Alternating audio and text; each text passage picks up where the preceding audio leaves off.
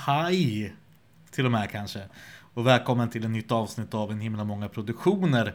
Den podcasten som enbart handlar om galenskap och after shave. Och det, mina vänner, det är vi ensamma om. Vad jag har hittat i alla fall. Idag har vi mycket att eh, gå igenom. Eh, och det är för att vi ska prata om en eh, en mycket intressant produktion, nämligen Hajen som visste för mycket. Och när man ska prata om Hajen som visste för mycket så då är det ju mycket. Det, det, det är ju mycket va. Så vi ska väl gå in på det ganska snabbt, men Först och främst så vill jag ju såklart säga att i dagarna här nu, om ni lyssnar nu, alltså om ni lyssnar då nu när podden släpps, så är det ju så att i dagarna släpps en, en bok som heter Galenskapen och After Shave. Ogräset i det svenska underhållningsrabatten heter den väl. Jag har inte namnet framför mig så jag blev helt plötsligt lite osäker. Men jag tror att den heter någonting sånt. Den är skriven av Kalle Lind och eh, Henrik Jutbring. Jag blev osäker på vad han heter. Jag ska faktiskt dubbelkolla det för det känns ju trist att behöva säga fel. Det är korrekt. Kalle Lind och Henrik Jutbring. Och eh, det kan vara så att de här personerna dyker upp i podden vad det lider. Eh, kanske till och med snabbare än vad ni tror. Eh, det, det, kommer ni upptäcka i så fall om det är så att de dyker upp på något vänster. Men som sagt, Hajen som visste för mycket ska vi prata om. Eh, jag, jag bad också er att Eh, ställa lite frågor på Instagram-kontot för eh, en himla många produktioner. Jag har sett att det har folk faktiskt gjort, vilket är väldigt kul. Men vi tar dem, vi tar dem efteråt, vi tar dem på slutet, så går vi igenom de frågorna. Och eh, jag har fått några frågor som kommentarer och sen har jag fått någon eller några frågor i, i Eh, eh som meddelande. Så det ska ju bli superspännande att se eh, vad det är för någonting. Vi hoppar rakt in i det som är hajen som visste för mycket. Haj, haj.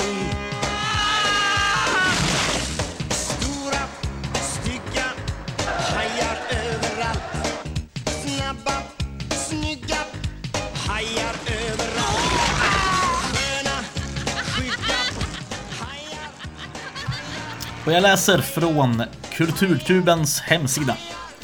Galenskaparna och After Shaves andra långfilm utspelar sig i finanshajarnas grumliga vatten. Den lika rika som hysteriska byggmästaren Samuel Plottner anar oråd när hans son Joakim skriver en tidningsartikel med rubriken Eternitplattor gör dig smalare. Eternitplattetillverkaren Davidsson och Lockts aktier skjuter i höjden. Det blir kaos på börsen och förvecklingarna är igång. När jag läser den här, eh, nu är det jag som, som pratar, nu läser jag inte till men jag, jag har nog aldrig läst en förklaring till Hajen som visste för mycket som är så enkel som de här två, eller den här eh, meningen som jag nyss läste.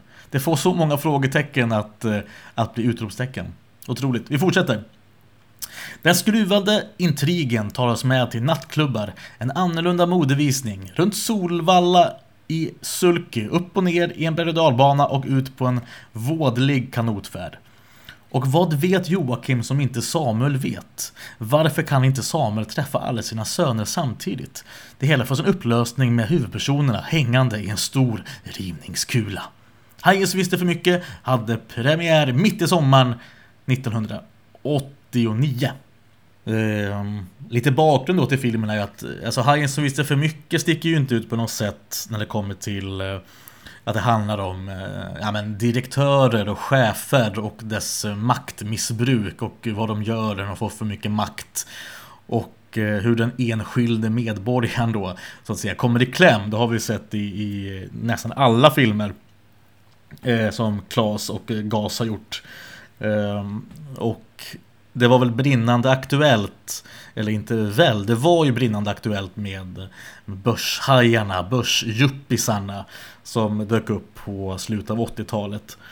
Eh, och eh, för att göra lite research så, så eh, hade Klas en kontakt på Nordea-banken som han... Eh, eh, då fick han tillgång då till Nordea-banken och, och, och, satte sig där och eh, lite grann hur, Eh, hur de såg ut med börsmäklarna, börshajarna, vad de hade för eh, liksom kläder och, och gångstil och kanske lite tugg och sådär.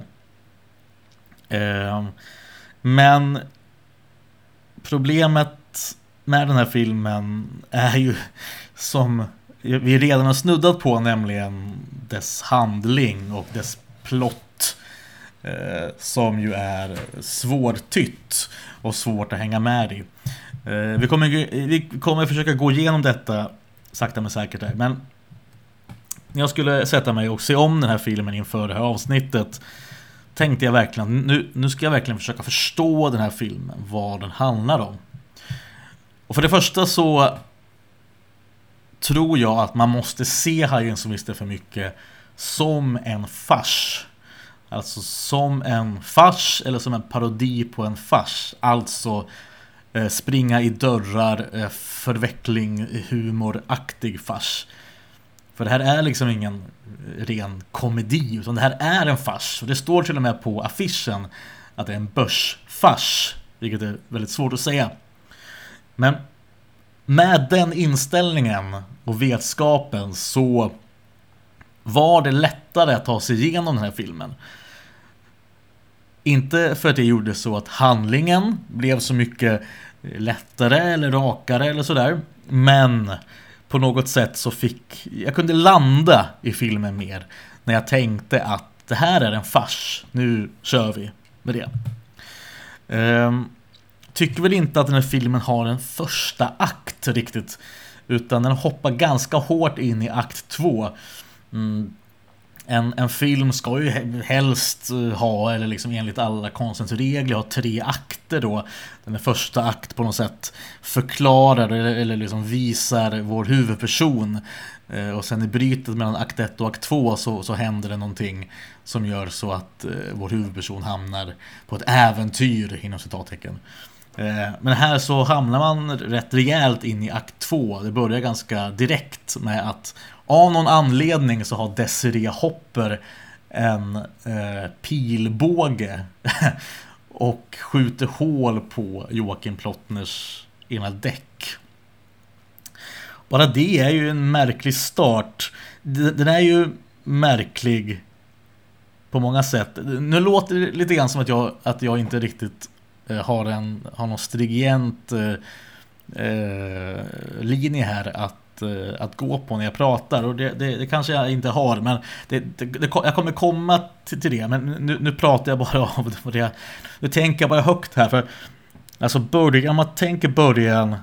Joakim Plottner jagas i med, han, han åker en bil, han jagas av en helikopter. Okej. Okay. Bara det är ju märkligt, men vi får väl acceptera det. Men helt plötsligt då så dyker Desiree Hopper upp i en liten Messerschmitt. Eh, och vad, var har hon varit innan? Hur vet hon var han är någonstans? Ja, vi, ska inte, här, vi ska inte nitpicka för mycket. Eh, jag kommer återkomma till sådana här typer av frågor. För den här filmen lämnar ganska mycket frågor. Kan jag ju säga. Om vi ser till en form av rolllista så är det eh, en rolllista där eh, alla i GAS har eh, en roll var. Till skillnad från i, i senaste filmen, Leif, där de hade många roller var. Den enda som väl egentligen inte har bara en roll, det är ju Anders då. Han har ju han har tre roller fast det egentligen är en roll. Eh, han spelar Joakim Plottner då, som är Samuel Plottners son. Och han spelar också, Anders spelar då också Alexander och Lukas. Som är två eh, uppdiktade upp, personer då. Men det som är intressant, alltså eh, nu, blev jag också, du kom också på någonting här. Så Joakim Plottner, det finns bara en bror. Och det är alltså Joakim Plottner. Men hans bröder då som inte finns, alltså Alexander och Lukas, de har ändå ett privatliv och har jobb. Alltså för vi, vi ser ju Alexander eh, på den här ehm, eh, vad heter det? Eh, utgrävningen där de hittar skelettet. Och vi ser Lukas med eh, pastor Himmler. Eh, och så Anders, alltså Joakim Plotten spelar alltså hela sitt liv spelar han parallellt tre stycken schizofrent då roller. Och inte bara när hans pappa är i närheten. För det är han ju inte hos pastor Himmler. Uh, ja, okej. Eh, okay. Uh, vi, vi, vi, fortsätter. Eh, vi fortsätter. Eh, jo, precis. Eh, Håkan Johannesson är ju den eh, personen som sticker ut i rolllistan. Han spelar då Jörgen Lycke som är Samuel Plottners eh, trogna assistent. Då. Något annat som sticker ut är ju att Knut Angred har en liten roll som just pastor Himmler. Han är med i ett sångnummer bara. Himlen har skänkt oss alibi. Då kan man ju spontant fråga om det är då Knut Angered som skulle spelat Jörgen Lycke. Det kan man ju kanske se framför sig. Eh, jag ser lite grann hade Knut spelat Jörgen Lycke så ser jag det lite grann som eh, hans karaktär i Leif som ju heter eh, inte Rambo Uh, inte Florens utan... Uh, oh, nu har jag tappat helt. Det var Rambo, just det. Eh, jag ser framför mig en liten kuvad eh, Rambo från Leif om Knut skulle spelat Jörgen Lycke. Varför Knut inte är med så mycket är då för att han skulle få sin, sitt andra barn just den här perioden. Eh, och då, och då fanns det då en, en, en liten roll som passade perfekt. Jag tror ju att Knut nog skulle spelat den rollen också. Och sen skulle han nog ha spelat Jörgen Lycke. Intressant då att de valde då Håkan Johannesson och inte någon eh, erfaren skådis. För det hade ju lätt kunnat varit så att de hade tagit in någon som var lite mer erfaren. För Håkan Johannesson, man kan ju säga mycket om Håkan Johannesson. Eh, han, är, han får soffor på posten och sådär, men någon erfaren skådis är han ju inte. Eh, med det sagt, han gör det faktiskt väldigt bra, det måste jag säga. Han gör det bra i den här filmen. För att vara den som han är på något sätt. Eh, något annat vi ska ta från, eh, i början här. Eh, vi har lite låtar på skivan som inte är med i filmen. Bland annat då um, Sanningens sång. Eh, en låt som det gjordes en video av. Men som inte av någon anledning kom med i eh, i filmen. Det var väl, eh, de, de kände väl att det inte passade in eller att det inte, eh, det var något som inte stämde där. Jag tycker att Sanningens sång är en superbra låt. Och eh, det, det, är synd att den inte har släppts. Eh, man vill jättegärna se den, den, den videon.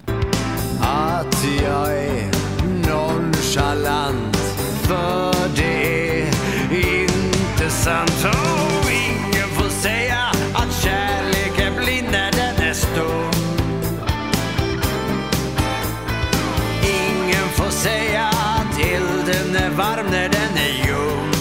Vi kan väl också snabbt innan vi, vi ska ju gå på en, en lista här, här alldeles strax. Men vi kan väl snabbt också ta det här med reklamfejden som, eh, som ju han som visste för mycket var eh, så att säga inblandad i.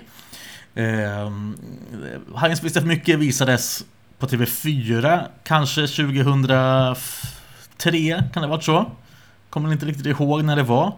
2005 kanske, något sånt där. Eh, de avbröt filmen för reklam och det tyckte Claes var för jävligt. Tillsammans med Vilgot Sjöman så, eh, så anmälde de TV4 för eh, jag vet inte vad de anmälde för, förtal eller något sånt. Just för att de eh, TV4 hade då på något sätt skadat det konstnärliga eh, med de här reklam, reklamavbrotten. Vilket gjorde så att i Högsta domstolen, när det här fallet hade nått ända dit upp, så visades Hajen som visste för mycket med de här reklamavbrotten för domarna.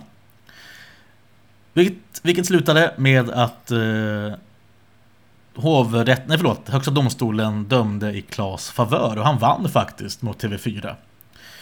Och han har ju sagt det att det här är lite av en jag vet inte om, om han har sagt det men Det känns för som att det är lite av en Pyrrhus-seger Och att eh, det är en liten, liten eh, liksom en bump in the road så. Inga stora förändringar har ju skett.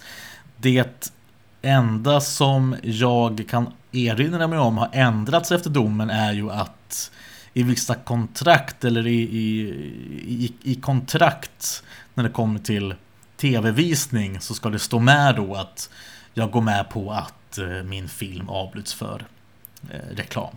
Eh, så att, och det har ju slä- jag vet att det finns en bok i ämnet som jag inte har läst men som känns som en ganska tungrodd bok att ta sig igenom i ämnet som jag tror heter re reklamavbrottstvisten eller reklam kanske reklamavbrottsprocessen kanske den kan heta. Jag har sett att det går att beställa någonstans någon gång. Men jag har själv inte gjort det för jag har faktiskt inte varit så himla sugen på att läsa om det.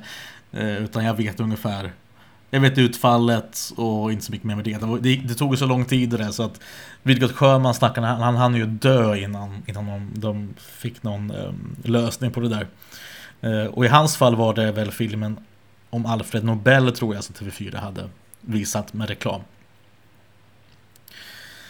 Men ska vi, ska vi gå igenom? Jo, nej gud, det var en sak till jag skulle ta upp här. Jag såg en sån, jag ska ta fram nu. Det jag gör nu är att jag tar fram program, pro, programbladet till 40 års, vad heter 40 ljus i tårtan. Där eh, bland annat alla medlemmar fick skriva en liten eh, sådär eh, små minnen, sådär små eh, Nu gör jag sån radiogrej att jag verkligen övertydligt eh, bläddrar så. Alla deltagare eh, och medlemmar och allt möjligt fick eh, har fått chansen att skriva lite minnen. Eh, till, till exempel har Per Fritzell skrivit eh, en liten text om eh, Det sköna nya värld när de, med alla cirkusdjuren. Eh, Klas har bland annat skrivit om eh, Eh, den här, den här 30-årsfesten föreställningen där eh, de bara hade Jan, Anders och Klas med. Eh, och sen är Ann Otto har skrivit en liten text och det står lite text. Det är faktiskt väldigt trevligt att läsa. Och i det här programbladet så finns det då en text av Klas den har skrivit om då den här inledningsscenen i Här så inte för mycket. Där då mm, alla, alltså alla credits rullar. Och det är massa djur med. Och jag ska inte läsa igenom hela den texten, det är en ganska lång text, men jag ska ta några stycken här som är eh, lite roliga. För att när det är dagen, för alla, eh, alla credits, alla eh, alla medlemmars namn skulle stå tillsammans med ett djur. Ni ser väl det här kanske framför er att After Shavarna är väl får och Anders är väl en älg och någon är en schäfer och det är någon som är en fågel och sådär. Dan Myrman, fotografen som väl har varit, med GAS sen start. Han skulle vara en sork. Eh, nej, han skulle vara en mullvad eh, faktiskt från början. Han skulle vara en mullvad och de åkte till Kolmårdens djurpark den här dagen för att hitta den här mullvaden. Eh, en mullvad då som hette som hette Einar tydligen. Och Eh, när det var inspelningsdagen när Einar då skulle titta fram ur ett hål så upptäckte de då, eller då fick de information om att de inte hade hittat Einar. De hade, han, hade försvunnit, han hade försvunnit på den, på den vänster. Så istället hade de hittat en sork på en golfbana utanför Värnamo. Eh, som såklart var lite nedköp men det fick gå ändå. Den här sorken transporterades då från Värnamo till Norrköping då i en taxi. Något väldigt, såklart väldigt dyrt. Um, och så skriver han vidare då att filmningen var väldigt svår för de kunde inte styra den här sorken. De hade som ett rör och lite mat. Så när de liksom när de, eh, eh de försökte locka den här sorken att titta upp ur det här hålet. De hade lite mossa och sånt runt omkring så det skulle se ut som en skog. Eh, och så stod de där och väntade och filmade eh, det här då. Och eh, de startade kameran och Sorken gick in, gick in i det här röret då. Han stannade kvar i röret och inte upp i hålet. Ehm, och kamerorna rullade och den här den här sorken var kvar i röret och de vågade inte stänga av kameran för tänk om de stänger av kameran och sen kommer den här sorken vid sist då. Eh, men till slut så eh, tittar Sorken upp och då har de filmat i 10 minuter ungefär. Eh, de har filmat ett hål i 10 minuter. Ja, några dagar senare så skulle de filma den här helikopterbilden. Jag misstänker att det är den här helikopterbilden som är Kung och ett kaos. Eller något sånt. Och då hade de en speciell anordning som en engelsman skulle komma och hjälpa till med. Han hade patent på den här anordningen.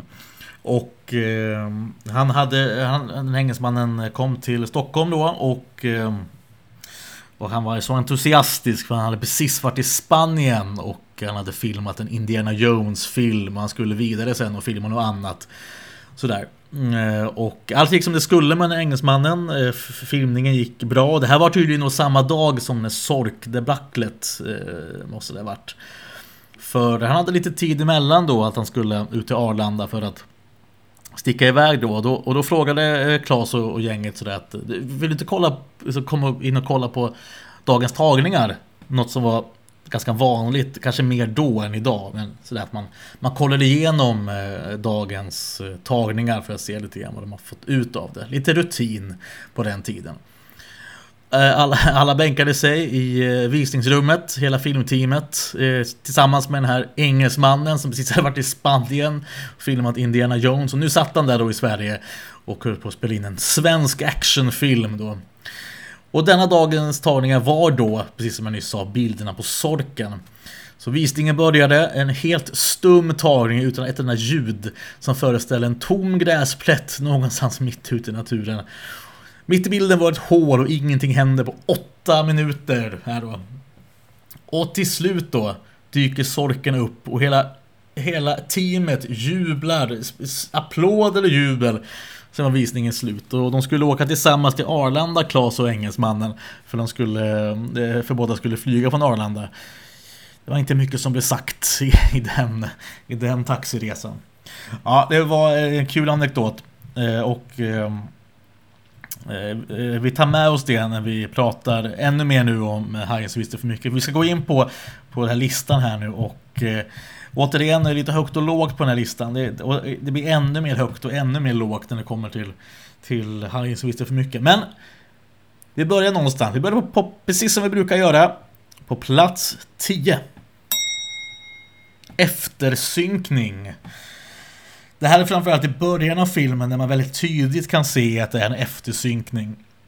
Eftersynkning är då att, att man filmar någonting och sen eh, eh kanske man tycker att ljudet inte blev så bra, dialogen eh, blev inte så tydlig så man går in i studio för att lägga på dialog i efterhand.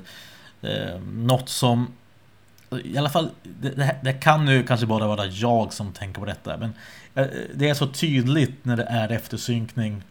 För replikerna och orden som skådespelarna säger passar inte riktigt ihop. Alltså det, man märker att det här ljudet är taget någon annanstans ifrån på något sätt. Och det är väldigt tydligt i Hyens finns det för mycket.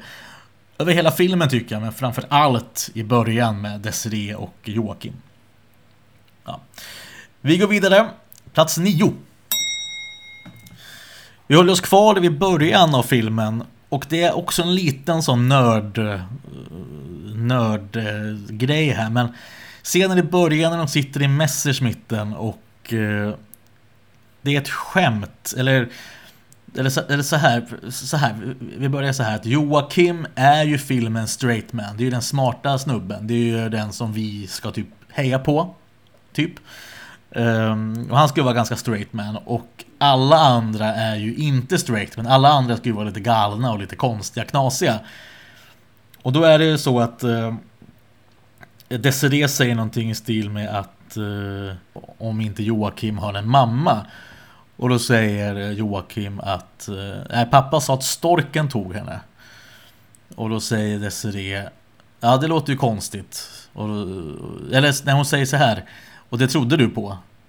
Frågetecken. Och då svarar Joakim, nej det är klart. Finns ju inga storkar i det här landet.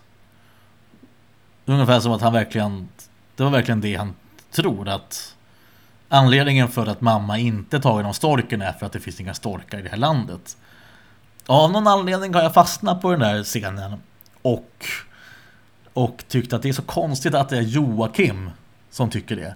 Det borde varit mycket mer naturligt för Desiree Hopper att säga det finns ju inga storkar i det här landet. För det stämmer mer överens med hennes karaktär tycker jag än med Joakims karaktär.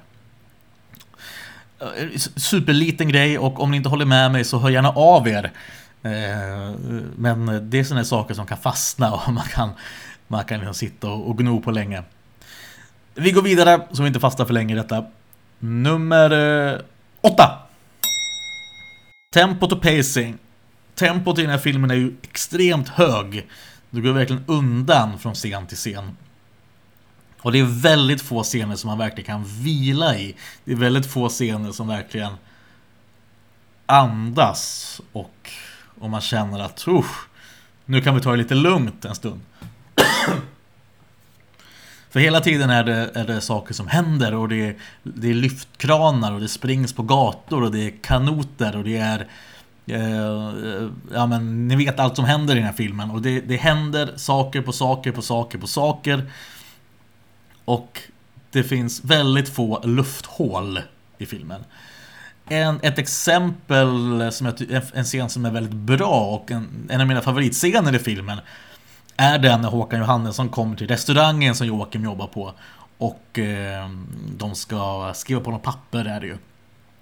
Eh, den är väldigt bra för den är, den är, visst, den har ju visst tempo och han byter om och sådär. Det finns en viss lugn i den scenen, tycker jag i alla fall. Och även den scenen innan då när Joakim och eh,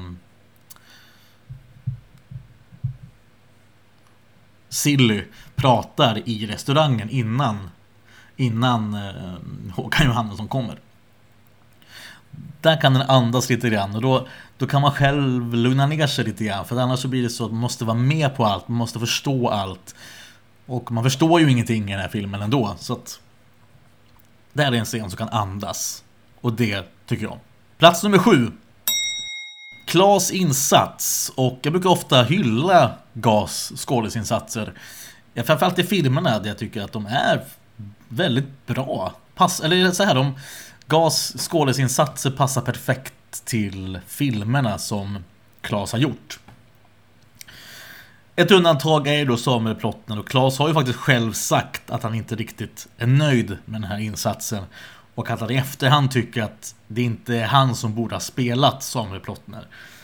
Han har ju sagt att under den här tiden så spelar de ju Stinsen brinner åtta gånger i veckan tror jag att det var.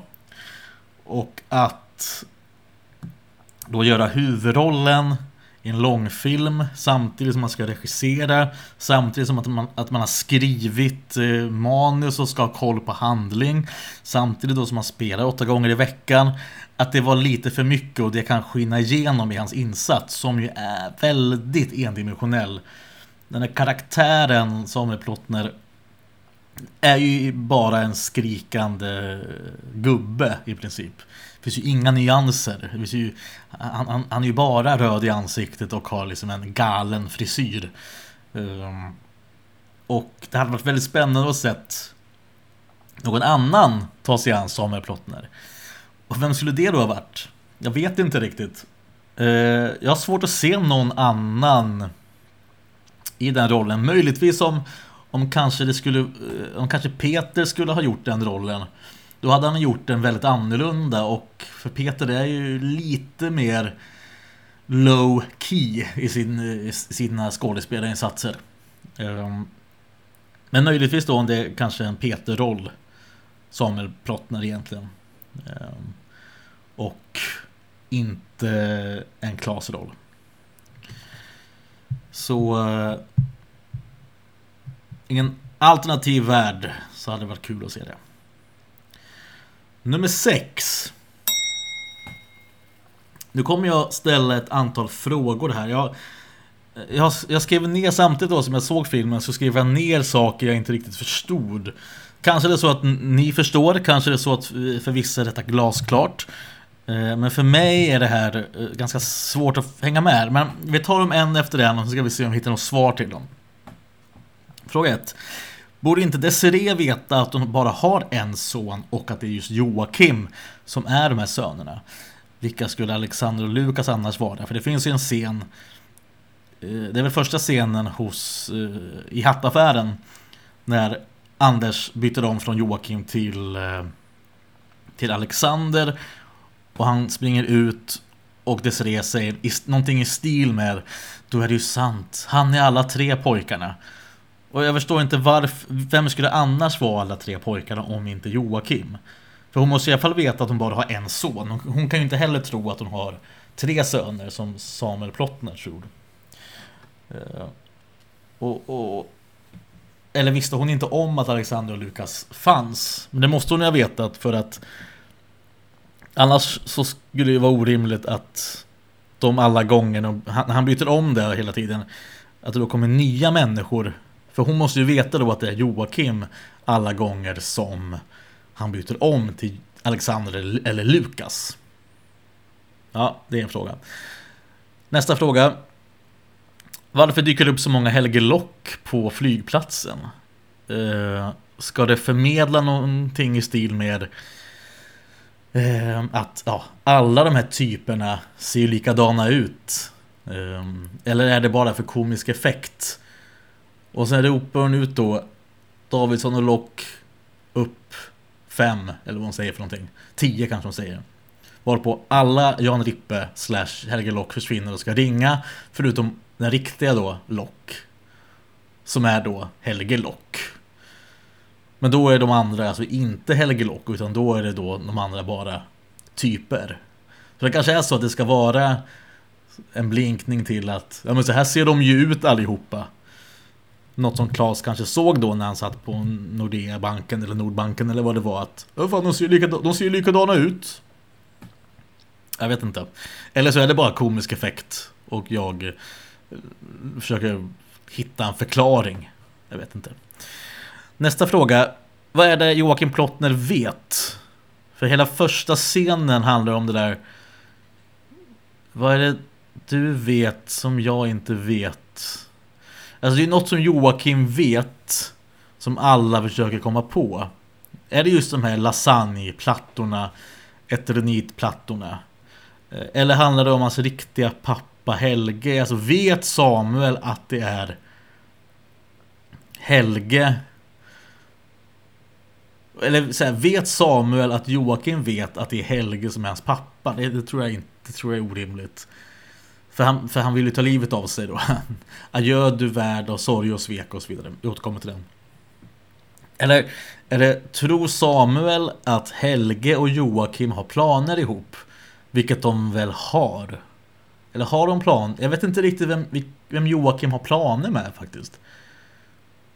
För, ja, han har ju någon plan har ni med Helge Lock. För det, mm, precis. Ja, vi tar nästa fråga. Hur länge utspelar sig den här filmen? Det känns som att det utspelar sig under liksom en, en dag i princip. Och det är just för att det är så himla stort tempo. Och allt, alltså att, att, att allt har börjat då med helikopter. Varför, varför jagade ens Samuel Joakim med helikopter? Det måste ju vara det sista man gör. Hur mycket har han jagat honom med innan, tänker jag.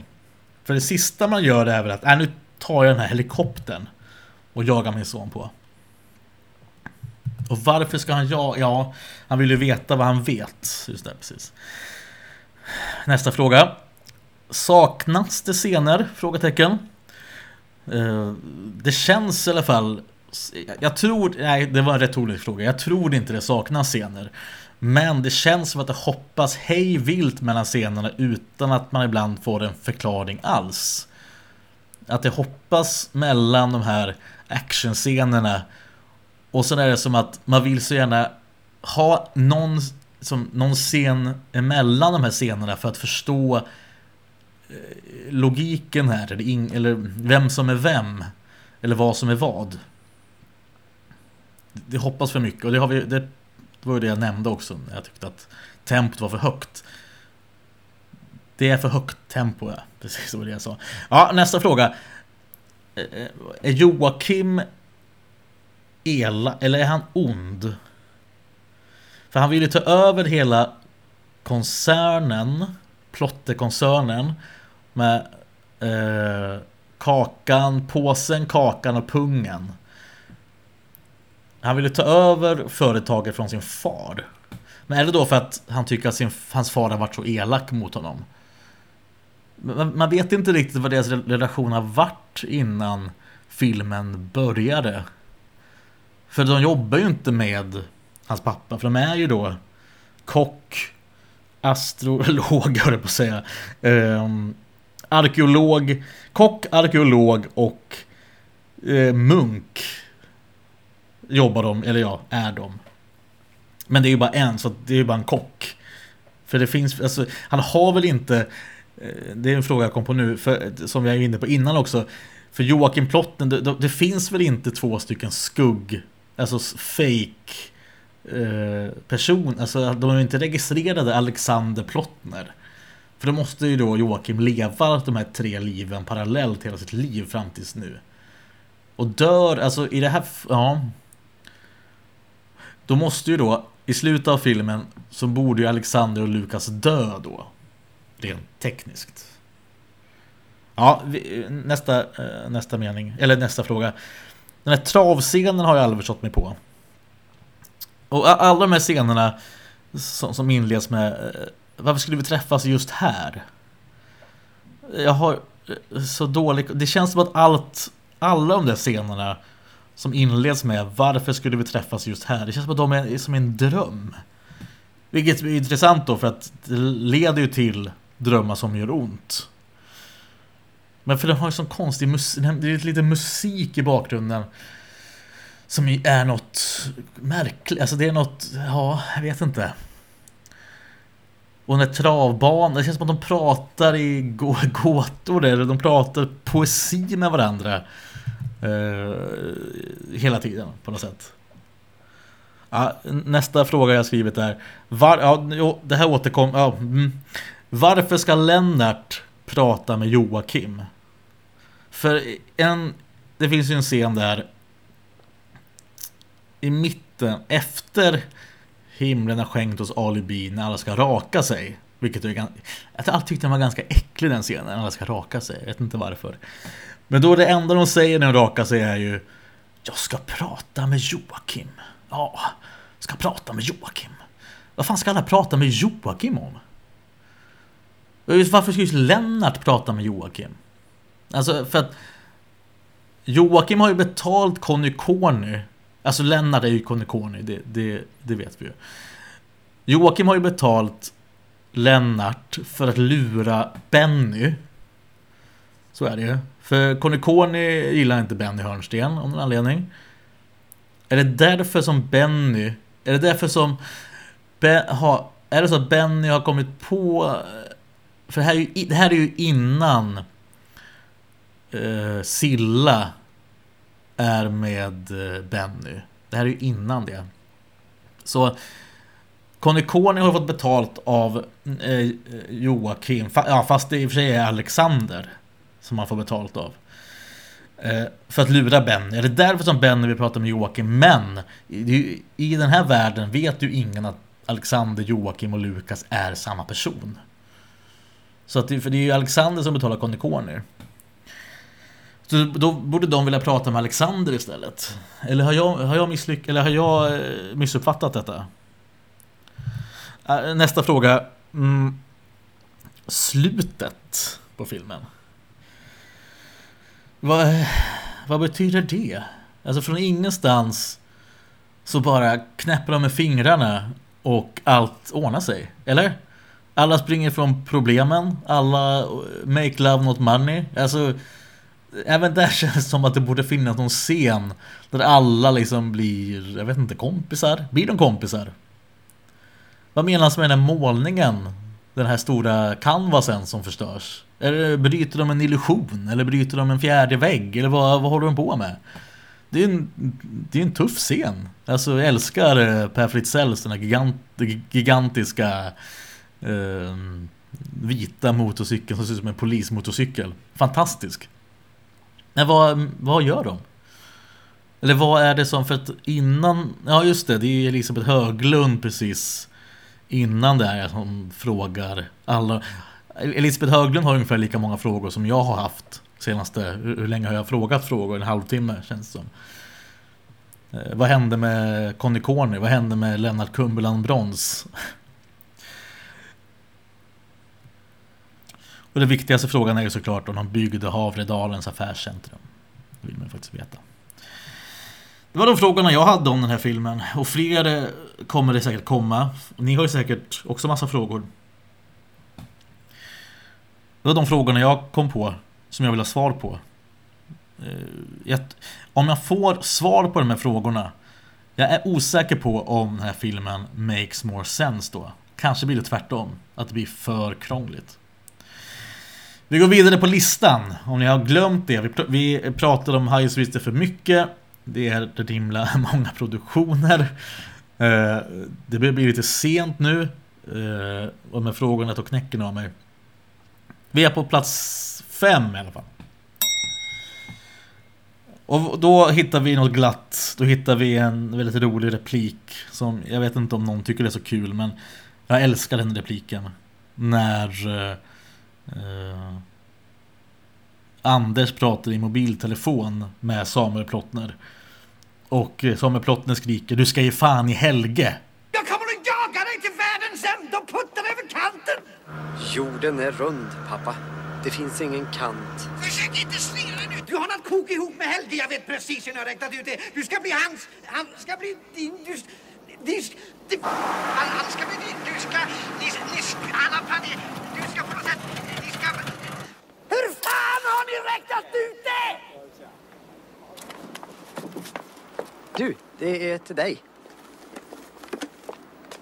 Du ska ge fan i Helge! Hör du det? Vilken Helge? Menar du Helge Ryberg? Av någon anledning så tycker jag den scenen är så otroligt... De replikerna är så otroligt roliga. Jag vet inte varför. Det tycker även min kusin Niklas. Vi skrattar mycket åt den, den scenen. Det har vi sagt till Claes också i något tillfälle. Vi har sagt att Hajen som visste för mycket kanske inte är världens bästa film. Men det är väldigt, väldigt roliga, ett väldigt roligt replikskifte i den filmen. Ja, vi går vidare. Nummer fyra. En sak som vi vet som inte är någon som helst, något som helst tvivel på. Det är vem är hajen som visste för mycket? Och det förklarar jag mig faktiskt i filmen. Det är ju Samuel. Han visste att han hade tre söner. Fast han hade bara en. Det är hajen som visste för mycket. Mm. Nummer tre. Slapstick-scenerna sticker ut och det grövsta i den här filmen. Och det finns ju ganska många och härliga stuntscener och slapstick-scener. Och eh, när man tänker på Hajen som visste för mycket så tänker man nog kanske främst på de här scenerna och inte så mycket på alla frågetecken och alla konstiga virvar i, i plotten. Eh, såklart tänker jag ju på eh, tågscenen som är mot slutet. Där eh, Klas, eller Johan Thorén är det väl som, som gör all stunt. Eh, springer på taket till ett, ett tunnelbanetåg. De byggde ju då alltså en helt ny, eller en helt liksom från scratch, en tunnelbanemynning. För det var så himla svårt att få tag i lediga tunnelbanemynningar. Ja, det kan vi förstå i och för sig. Så de byggde alltså en helt ny. Man kan se bilder på detta i eh, boken Scenbilder av Rolf Allen. Där de då det bygger från scratch och eh, det är ju inte cement såklart, det är ju något annat material sådär. Men det ser väldigt, väldigt bra ut. Man tror verkligen att det är en riktig. Eh, man ser ju dock tydligt att det inte är Klas som springer. Det, det, det, det kan man se ganska tydligt. Vi har ju såklart kul-scenen som jag tycker är så otroligt bra gjord. För att man ser, alltså de är ju verkligen det är ju liksom ingen green screen eller det är ju ingen eh, någon bildskärm. De är ju verkligen på plats när de gör det där. Och de bygger ju då en, en, eh, ett kontor på taket av någon byggnadsstä- på någon bygg- rivningshus tror jag att det är. Och har den här kulan då som är ju superstabil. Och alla de där sitter, det är ju först är det Klas, sen är det väl Peter och sen är det väl... Nej, först är det Klas eller Per, ja. Jag minns inte ordningen där riktigt. De sitter då på en sadel på den här kulan. Så de sitter ju väldigt stabilt och det är väldigt, väldigt säkert och sådär. Och de har ju också en hand, de håller ju i också sådär. Men det är ändå 20-25 meter ner till marken. Så att eh, det är ju på riktigt gjort, så att säga. Det är verkligen eh, snyggt gjort, måste man ju säga. En sak till.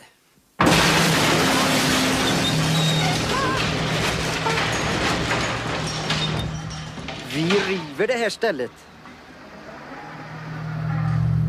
Men det kan ni väl inte göra heller? Stoppa detta!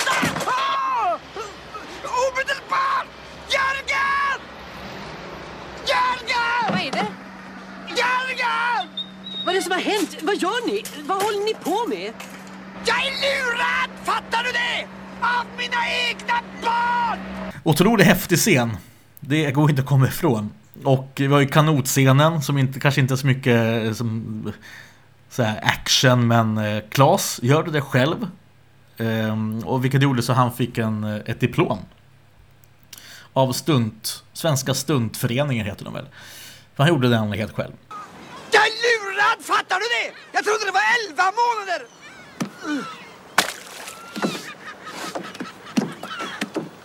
Adjö du värld av kork och svek! Av lömskans lögn och listens lek! Öppna helvetets café! Här kommer en jävel te!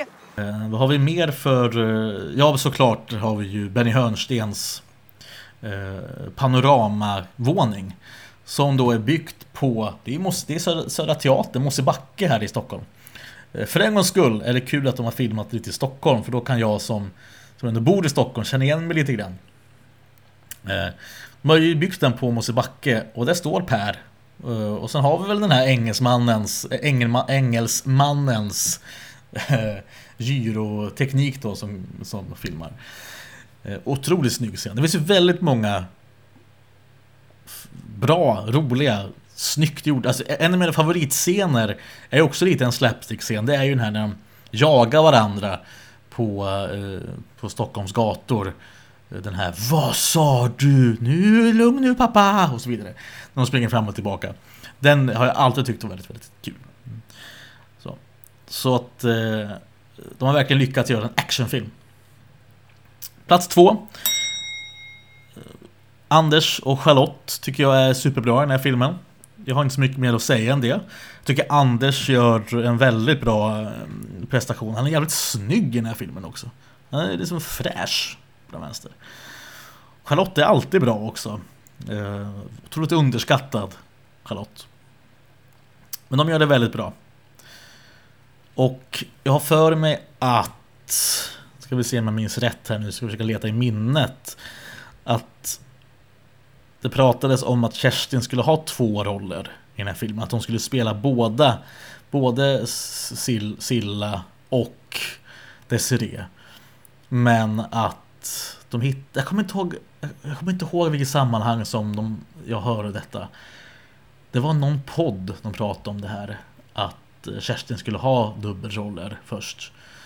Och bara för det kan jag inte minnas anledningen till att det blev bara en roll. Eller varför det blev just Charlotte. Låt mig återkomma, jag ska försöka forska i det här mer. Um, men eh, som, summa summarum var i alla fall tanken först att det skulle vara en dubbelroll. Men sen blev det bara eh, en till om var. Okej, vi har gått igenom eh, nio stycken punkter och vi ska ta dem lite snabbt här nu innan vi kommer till punkt 1. Plats nummer 10, eftersynkningen. Plats nummer 9, scenen i början. Mm. Plats nummer 8, tempot och pacingen. Plats nummer 7, Klas insats. Plats nummer 6, frågor. Plats nummer 5, du ska ge fan i Helge! Plats nummer 4, vem är hajen som visste för mycket? Plats nummer 3, slapstick och stuntscener. Plats nummer 2, Anders Charlotte. Plats nummer 1, musiken. För det är något som jag tycker att eh, uh, som visste för mycket eh, har verkligen eh, fem, femstjärnig i så är det ju musiken och låtarna. Eh, nästan varenda låt är ju faktiskt eh, topp här. Eh, Hi Hi Hi som ju är kanske en liten blinkning till Säng Säng Säng. Det är en väldigt, väldigt bra låt. Vi har ju Bulle med sylt. Alltid uppskattat, alltid älskat väldigt mycket. Ehm, Drömmar som gör ont, tycker jättemycket om. Sanningens sång har vi redan pratat om. Det är en riktigt, riktigt sån eh, deep cut. Eh, om ni inte har hört Sanningens sång så, så det är en, då en duett mellan Anders och Charlotte. Väldigt, väldigt bra. Eh, Make Love Not Money. Eh, Fashion finns det också en låt som heter. Eh, också en skön låt. Men hela plattan är faktiskt väldigt bra i Hajen som visste för mycket. Och eh, det är också lagom mycket musik i filmen. Kungen vill sobert kaos. Himlen har skänkt oss alibi, herregud. Det är ju två stycken av de kanske bästa låtarna i filmen. Jag tvättas rent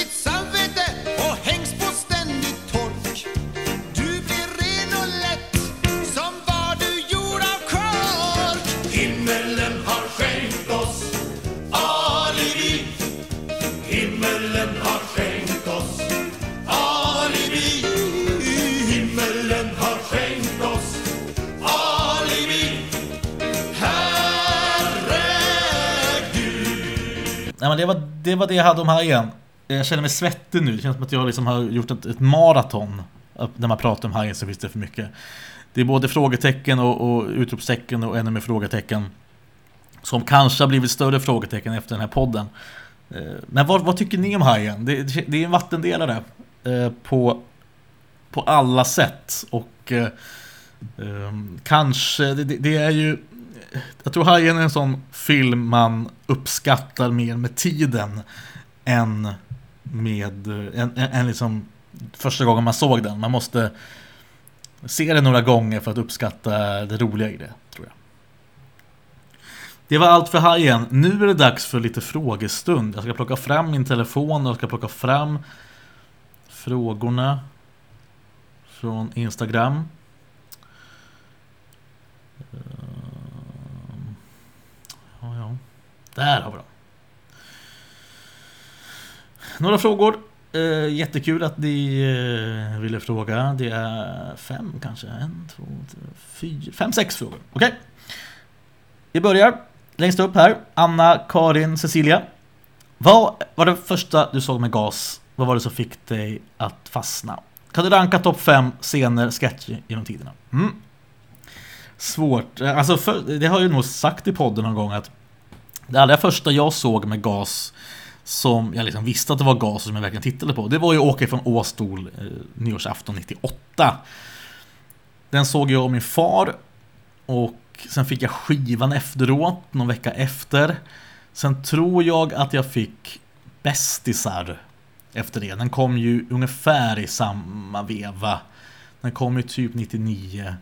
Sen var det Glapak på TV. Så det, det, det är ju Åke från Åstol jag har att tacka eller skylla ifrån mig på.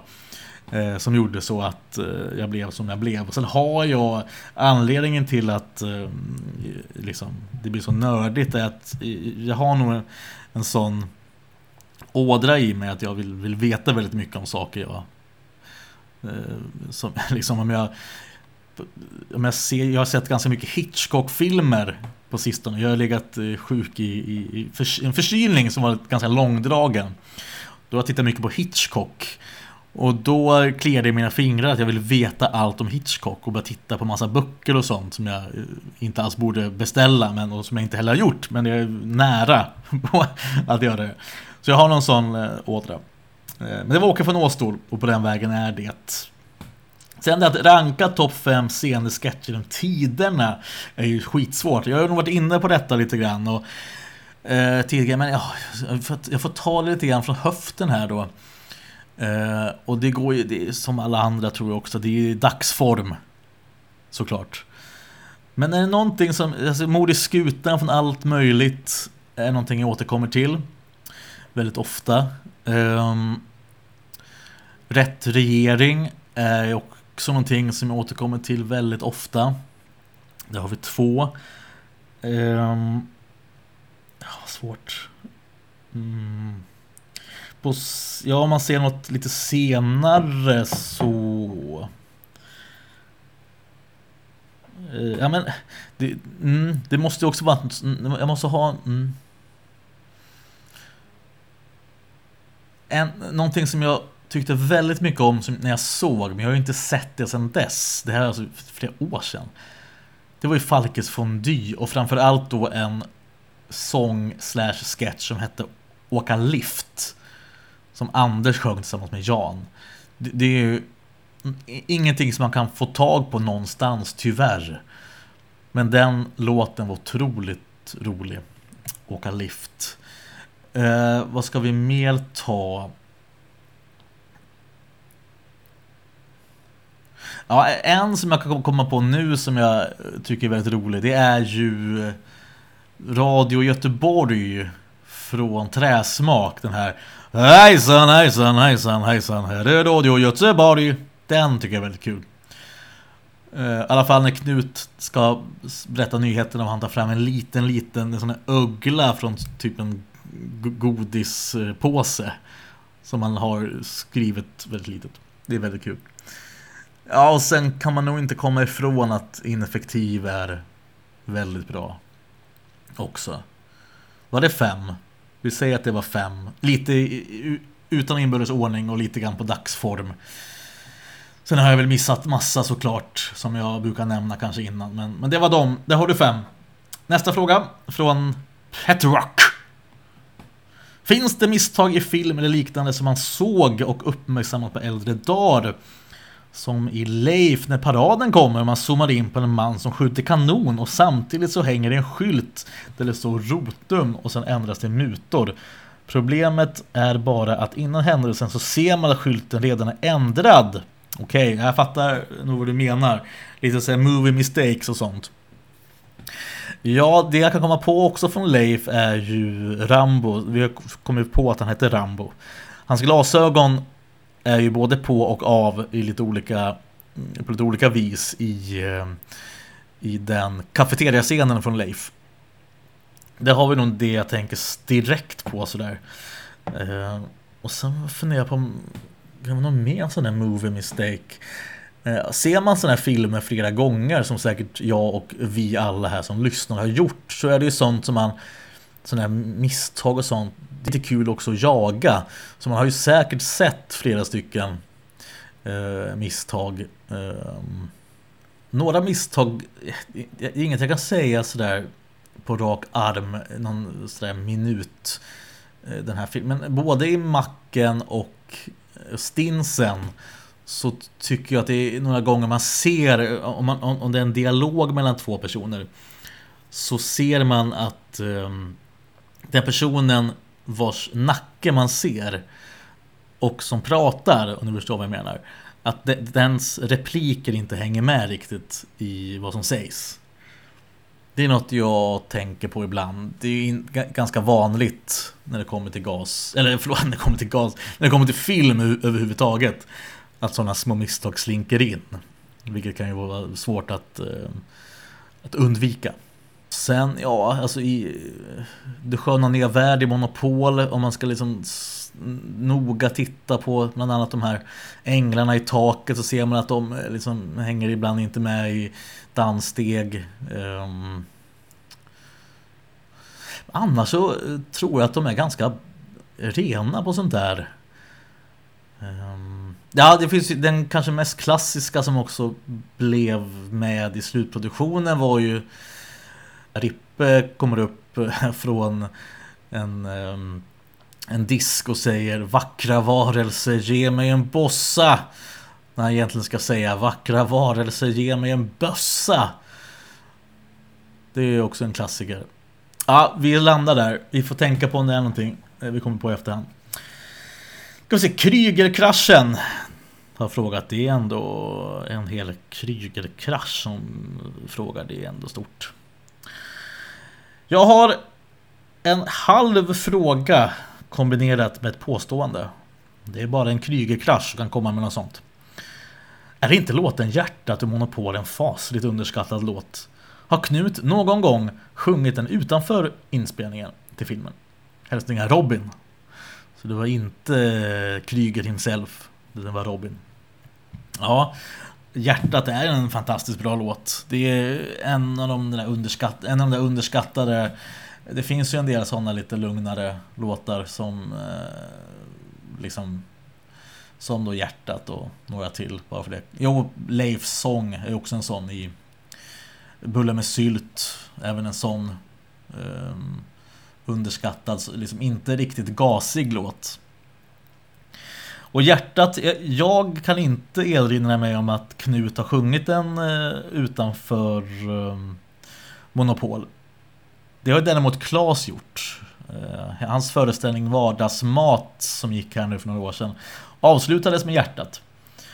Och det var väldigt fint och det var kul att han tog upp den. För den hade man velat sett Knut göra live hade kunnat passat in i exempelvis eh, 30-årsfesten eller i allt möjligt eller vad som helst.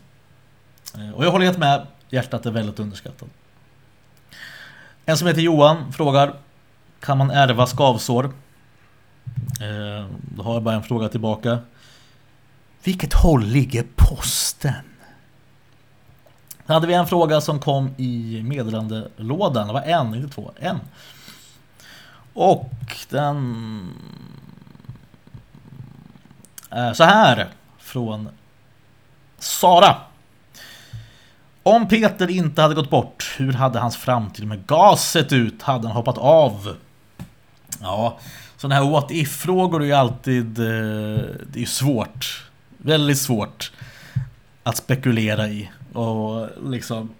Jag vet inte riktigt var man ska börja med något sånt, men om man ska spontant bara fundera så misstänker jag att han inte hade hoppat av. Jag tror att han dock hade jobbat mer utanför gruppen än någon annan.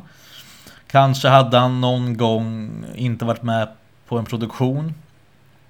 Ehm, jag är osäker på, det finns ju, vi pratade om det lite grann det här att han hade blivit erbjuden Beck, alltså Peter Haber Beck-rollen. Eh, jag vet för sig inte om han just blev erbjuden rollen. Det var väl kanske så att han blev erbjuden att provfilma eller något sånt.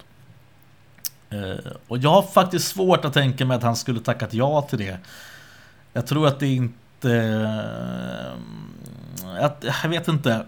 Återigen spekulation, jag ber om ursäkt om det, för det. Men jag har faktiskt svårt att se att han skulle tackat ja till en sån produktion i alla fall så länge eh, som det har hållit på. Eh, det känns inte Peter Rangmar direkt. Eh, men ehm, det är en intressant fråga. Det är, det är så kul att liksom ligga och fundera på sådana här saker ibland när man liksom inte kan sova. Ehm, men det är så jag tror i alla fall. Han hade inte hoppat av. Han kanske hade varit eh, Han hade varit med i fler saker utanför men han hade kört på, tror jag. Vad tror ni? Eh, en sista sak, eh, apropå det här med eh, Peter Rangmar. Jag eh, hittade en artikel i en, på en filmsajt som heter Moviesin. Där, eh, en svensk filmsajt, där de hade listat några av eh, de hade listat några av kända svenskars sista filmrepliker. Exempelvis Sven Volter var med Eh, på den listan. Och Sven Melander var nog också med. Och, och, och några till. Eh, Vivica tror jag också var med. Margareta Krok var med. Då funderade jag på eh, och, det, och det som var grejen var ju då att vissa av de här replikerna var väldigt, vad ska man säga, passande för att vara den sista repliken som de har. Och det är klart att eh, eh det, det, är också en efterhandskonstruktion såklart att eh, vet man om att det här är den sista repliken så då kan man ju liksom bygga det som att åh, vad, vad fint att det här blir sista repliken och så vidare. Och det är det lite grann som min, min slutpunkt med detta. Det är lite, lite, mm, eh, vad ska man säga? Det är lite sökt. Men jag tycker ändå det var intressant för då tänkte jag på Peter Rangmars sista replik i en film. Och hans sista replik hos GAS, eh, för eh, det som är svårt här är ju att han var med i två filmer 96, som var med i Monopol och så var han med i Lilla Jönssonligan och Cornflakes-cupen. Ja, då kan vi bara kolla på vilken hade premiär sist i hans sista film. De hade premiär samma dag. Ah, attans. Och Jag vet inte vilken film som spelades in först eller sist av de här två. Men hans sista replik hos Gas, och jag, jag, jag, jag ty- tycker vi ska säga att det här är hans sista filmreplik eh, innan han gick bort. Hans sista replik var, var alltså så här. Gör något för fan, spela något, dans, musik, vad som helst. Spela, sjung, dansa för djävulen, gör något. Det är hans sista replik som Sune Finnåker. Peter Dagmar död eh, sen då 24 maj 97. Gas och gänget funderar då på att sluta med sin eh, verksamhet eh, för Peters skull på något sätt. Men de tänker om. Och kanske är det så att Peters sista replik hos Gas svävar över dem. För vad är det sista då som Peter säger till Gas när de funderar på att lägga av att inte stå på scenen? Det kanske är så att han säger Gör något för fan, spela något, musik, dans, vad som helst, spela, sjung, dansa för djävulen, gör något. Och det gjorde de ju. De höll på i 25 år till. Det är vi tacksamma över. Det var det för den här gången. Vi har gått igenom hajen, vi har gått igenom frågor. Hoppas ni hade lika trevligt som jag. God afton, god afton, god afton. Luften är fin Härlig att andas Syret är ungt Hjärtat är lugnt. Kvällen är fin. Allt är förklarat. Inget är tungt Hjärtat är lugnt. Pulsen slår så lugna slag i mig. Pulsen slår så lugna slag i dig. Luften är fin, härlig att andas. Syret är ungt, hjärtat är lugnt. Kvällen är fin, allt är förklarat. Inget är tungt, hjärtat är lugnt. Pulsen slår så lugna slag i mig. Pulsen slår så lugna slag i dig. Jag har nog aldrig hört att mitt hjärta kan prata. Aldrig har jag hört att mitt hjärta har sagt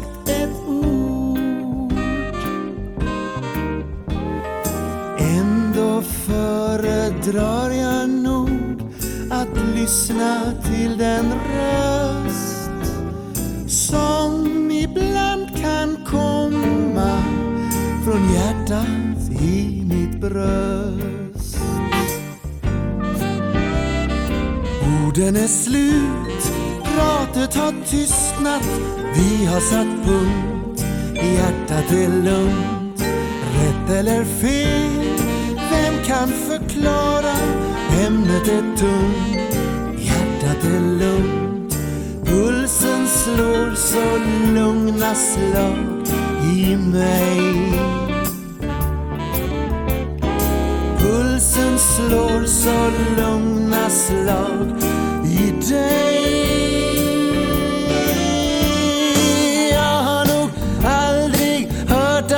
att mitt hjärta kan prata. Aldrig har jag hört att mitt hjärta har sagt ett ord.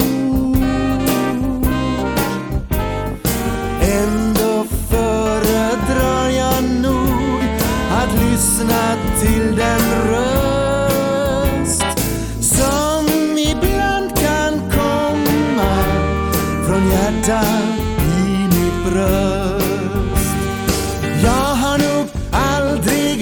att mitt hjärta kan prata.